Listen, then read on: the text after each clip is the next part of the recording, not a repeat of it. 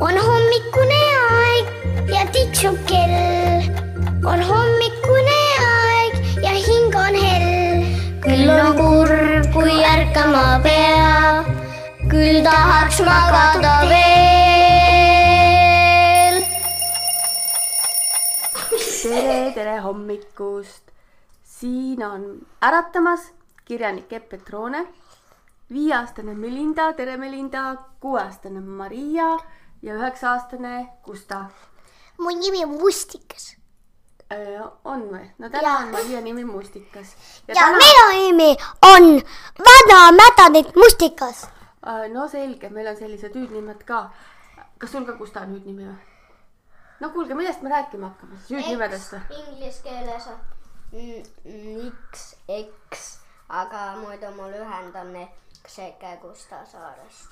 ahah, ikka Gustav. kutsuti lasteaias Eksiks. kas me räägime lasteaiast ja koolist või? jaa, sest et meil on siin selline ekspertgrupp on olemas. jah.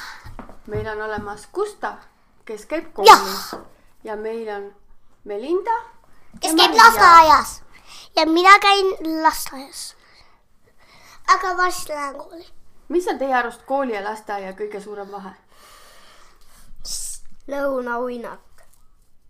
koolis pole lõunaainekuid, aga lasteaedades on.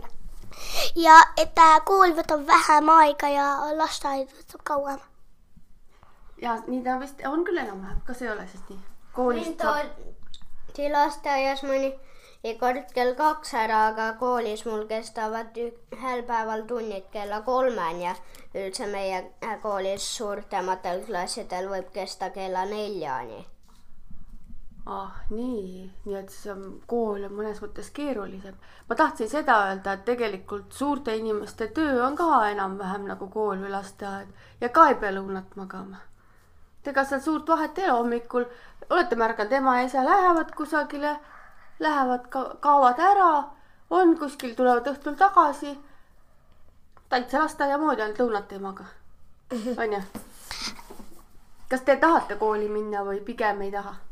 tahame. tahan. ja Gustav juba käib koolis, siis ta ei pea tegema. tema ei pea tahtma, kas sina tahad tagasi lasteaeda minna? osati tahan, osati mitte mida sa igatsed lasteaiast? mm,.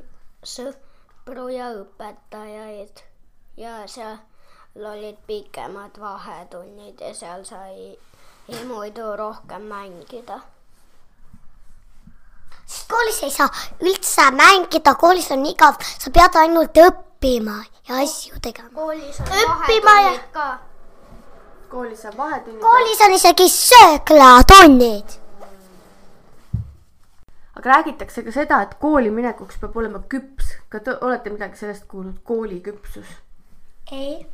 Ja kas sa tead kes on kooliküps, kuidas seda mõõta? kui sa oled äh, käinud lasteaias ja piisavalt kaua ja piisavalt õppinud, oled enda eest piisavalt hästi hoolitsema, ja see on, suudad end üleval pidada. et ei hakka kogu aeg vahele rääkima, ei käitu nagu väike laps, vaid käitud juba nagu koolilaps. ja sa käid nüüd niimoodi, et sa oleks nagu täiskasvanu.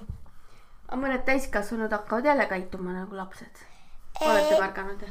jah, aga siis nad peavad uuesti lasteaeda tagasi minema, isegi kui nad on täiskasvanud. teate, kui täiskasvanud söövad liiga palju kommi siis neile võib tulla isegi kommiallergia ja nad lähevad ähm,, nad hakkavad liiga palju rabelema ja sina ka praegu üsna palju rabeled. Ei, rabelen jah, aga täiskasvanud natuke hullem asi, kui nad saavad liiga palju komme. mina ei saa liiga palju komme äh,. Melinda praegu päris kiiresti räägib.